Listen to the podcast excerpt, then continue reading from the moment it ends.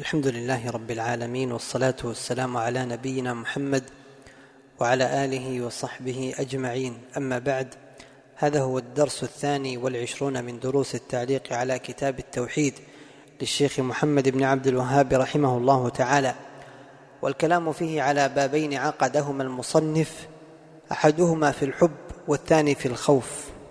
الأول قال باب قول الله تعالى, تعالى ومن الناس من يتخذ من دون الله أندادا يحبونهم كحب الله.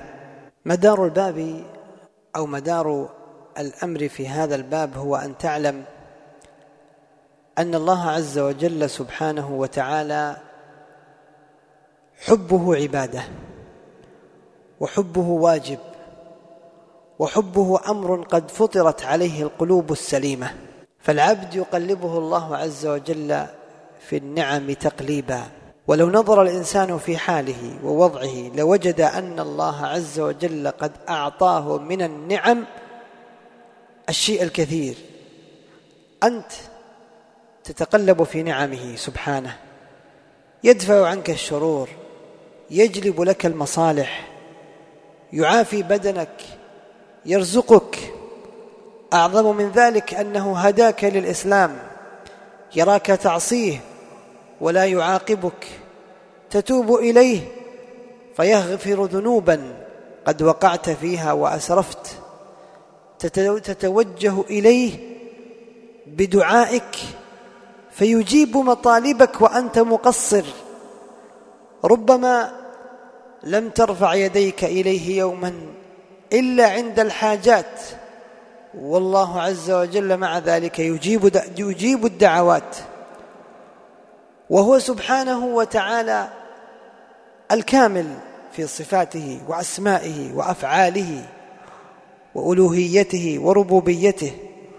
هو وحده سبحانه وتعالى من ينبغي أن تمتلئ قلوبنا بحبه. من ينبغي أن تدمع عيوننا شوقا لأجل رؤيته. الله عز وجل يجب أن نحبه. بل إن القلب السليم كما سبق مفطور على حب الله سبحانه وتعالى. والانحراف يقع حينما يحب العبد احدا حب تعظيم وإجلال غير الله سبحانه. فتجد أنه يحب الله ويحب صاحب ضريح أو يحب الله ويحب وليا ميتا أو حيا يحبه حب تعظيم وإجلال وذل لا يكون إلا لله. يحب الله ويحب صنما وهكذا. هذا هو الشرك بالله عز وجل. لأمرين. الأمر الأول لأن الحب في الله لأن حب الله عز وجل عبادة. والثاني لأنه قد صرف هذا الحب لغير الله عز وجل وساوى الله في المحبة. والناس هنا نوعان. إما من يحب الله ويحب غير الله محبة تعظيم وذل وتعبد وإما أنه يحب غير الله فقط أو يحب غير الله أرفع من حبه لله. قال الله عز وجل ومن الناس من يتخذ من دون الله أندادا يعني شركاء ونظراء يحبونهم كحب الله يعني يساوونهم بالله في المحبة والتعظيم فيجعلون محبوب معبوداتهم شركاء لله عز وجل في المحبة فتكون محبة مشتركة وهي محبة محرمة وهي محبة شركية لا يجوز أن تصدر من المسلم وقد ساق المصنف جملة من النصوص على هذا الأمر ومنها قل إن كان آباؤكم وأبناؤكم وإخوانكم وأزواجكم وعشيرتكم وأموال اقترفتموها وتجارة تخشون كسادها ومساكن ترضونها أحب إليكم من الله ورسوله وجهاد في سبيله فتربصوا حتى يأتي الله بأمره. أرأيت كيف هذه الآية يأمرنا الله عز وجل فيها أن تكون كل هذه الأشياء الثمانية لا, لا ينبغي أن تصل إلى حبك لله سبحانه. حبك لله ينبغي أن يكون أعظم من حبك لأبيك ولابنك ولأهلك ولمالك ولأصحابك وغير ذلك من أمور الدنيا كلها. متى نزلت هذه الآية؟ ما نزلت في حق أناس تأخروا عن بعض الطاعات لسبب هين أو لغير لا. نزلت بسبب المسلمين الذين كانوا بمكة لما أمروا بالهجرة.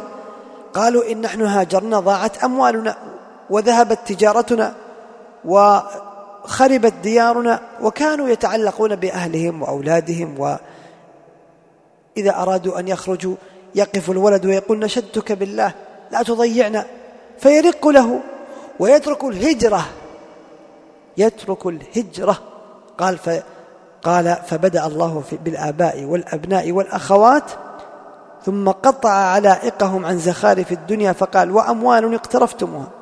كل هذه الأشياء لا ينبغي أن تكون توازي حبك لله. فإذا فإذا تقابل أمامك حب الله وحب هذه الأشياء فحب الله عز وجل هو المقدم. الأمر الثاني أنه مما يترتب على حبك لله سبحانه وتعالى حب التعظيم والإجلال أن تطيع أوامره وتفعل ما أمر به وتتجنب ما نهى عنه. هذا المحب لله حقا. إن المحب لمن يحب مطيع. ادعى أقوام محبة الله فابتلاهم بقوله قل إن كنتم تحبون الله فاتبعوني يحببكم الله ويغفر لكم ذنوبكم كما قال الحسن. فإذا كان العبد يقول إنه يحب الله حقا فالذي يحبه حقا هو الذي يعمل بأوامره. وثالثا أن من توابع محبة الله سبحانه وتعالى أن يحب العبد النبي صلى الله عليه وسلم لأنه هو الوسيلة الذي بلغ لنا الدين. ولذلك قال النبي صلى الله عليه وسلم لا يؤمن أحدكم حتى أكون أحب إليه من والده وولده والناس أجمعين. وذلك لأن محبة النبي صلى الله عليه وسلم تابعة لمحبة الله فلا يكمل إيمان عبد حتى يحققها. لأنه كما سبق هو النبي صلى الله عليه وسلم ولأنه هو الذي بلغ الرسالة ولأنه هو سبب هدايتك وتعليمك وكم صبر وبذل في سبيل أن يصل إليك الدين. فكان لزاما على العبد أن يحب النبي صلى الله عليه وسلم وذلك تبعا لمحبة الله سبحانه وتعالى. ومن لازم ذلك أيضا أنك تحب الأشياء التي يحبها الله كما سبق. خلاصة الأمر أيها الكرام أن الحب لله أن حب الله سبحانه وتعالى واجب فطري ينبغي أن تغمر قلوبنا به وأن تمتلئ صدورنا به وأن يراجع الإنسان نفسه دائما. في حبه لله عز وجل. الحب الصادق الذي لا يخالجه أي تردد. والعبد ينبغي أن يكون حبه لله عز وجل وحبه في الله وبغضه في الله. فيحب من يحبهم الله ويبغض من يبغضهم الله.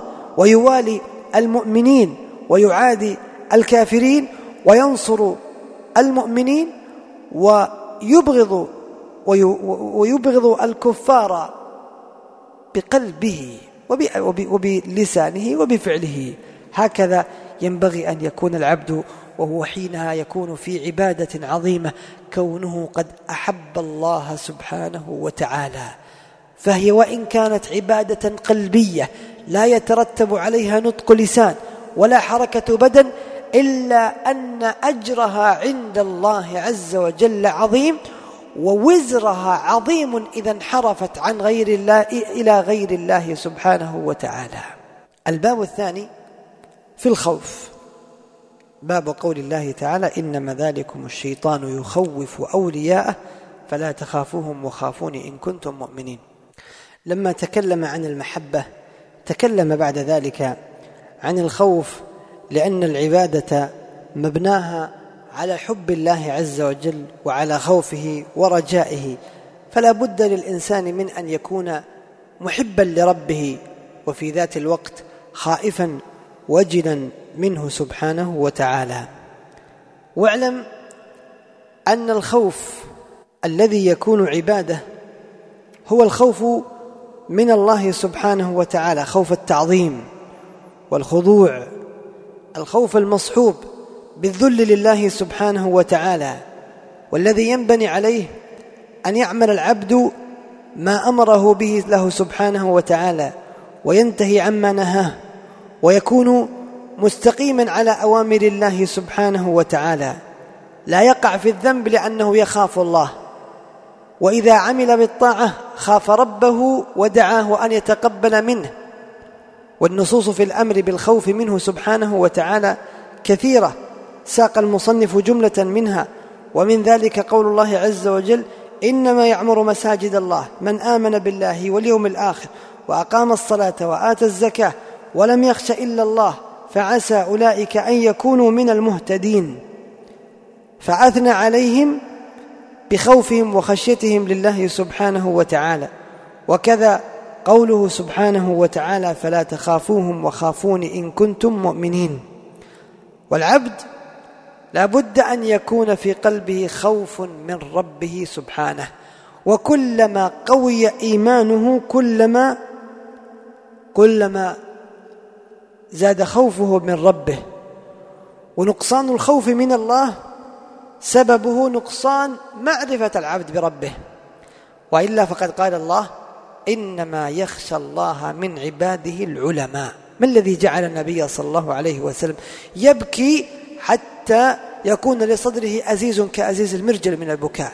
ما الذي جعله صلى الله عليه وسلم يقوم لله سبحانه وتعالى إلا حبه لله وخوفه منه سبحانه وتعالى؟ والمؤمن ينبغي, ينبغي أن يكون خائفا من الله فلا يأمن ولا يأمن فلا يأمن مكر الله إلا القوم الخاسرون. إذا علمت هذا فثمة أمران. الأمر الأول أن الخوف من الله عز وجل الخوف المعتبر هو الذي لا يوصل العبد إلى القنوط من رحمة الله سبحانه وتعالى وإنما يكون على خوف وعلى وجل من ربه سبحانه وتعالى أن لا يقبل توبته وأن يعذبه وأن لا يقبل طاعاته قد قال الله سبحانه وتعالى والذين يؤتون ما آتوا وقلوبهم وجلة أنهم إلى ربهم راجعون أولئك يسارعون في الخيرات. قال قال النبي صلى الله عليه وسلم هم الذين يصلون ويصومون ويخافون أن لا يتقبل الله منهم لكن لا ينبغي أن يزود الخوف حتى يصير الإنسان خائفا وجلا يترتب على ذلك أنه ينقطع عن العمل لله. الأمر الثاني أن الخوف إذا علمت أنه عبادة فإن الخوف من غير الله عز وجل قد يكون شركا. ولا شك أن الخوف من غير الله ليس على درجة واحدة. فثمة خوف شركي وهو أن يخاف الإنسان من غير الله عز وجل أن يضره وأن يؤذيه وأن يلحق به آه، المصيبة. وما اعتقد ذلك إلا لأنه ظن أن لهذا لأن هذا الإنسان تصرفا في الكون من دون الله. فكمثل حال الذي يقول حينما آه، قيل له احلف بالله احلف بالله فحلف بالله وهو يكذب. فلما قيل له احلف بالولي فلان خاف. ووجل وتغير قلبه. لماذا؟ لأنه ظن أن هذا الولي له اعتقاد أنه ظن أنه قد يضره وقد يلحق به الأذى والمصيبة وهذا لا شك أنه خوف شركي. فالمصرف والمدبر هو الله سبحانه وتعالى. وهذا كمثل الذي كان يقع من الأولين المشركين الأولين حينما كانوا يقولون للنبي صلى الله عليه وسلم إن نقول إلا اعتراك بعض آلهتنا بسوء. وهم يخافونها ويظنون أنها تتصرف. وثمة خوف طبيعي وهو قد يقع في الإنسان جبله الله عز وجل عليه. فالإنسان يخاف من الظلمة مثلا ويخاف من العدو ويخاف من السباع ويخاف من الغرق ونحو ذلك. وهذه لا أثر فيها ولا أمر فيها ولا نهي. فهي أمور طبيعية. الله عز وجل قال عن موسى فخرج منها خائفا يترقب.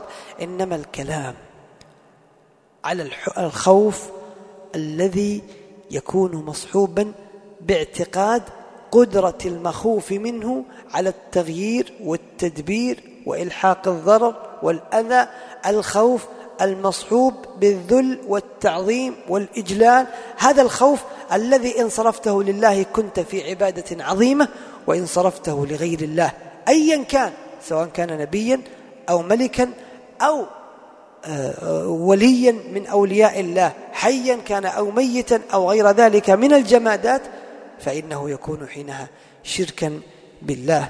نسأل الله السلامة والعافية. وهذا ما دار عليه كلام المؤلف رحمه الله تعالى في هذا الباب. والله أعلم وصلى الله وسلم على نبينا محمد.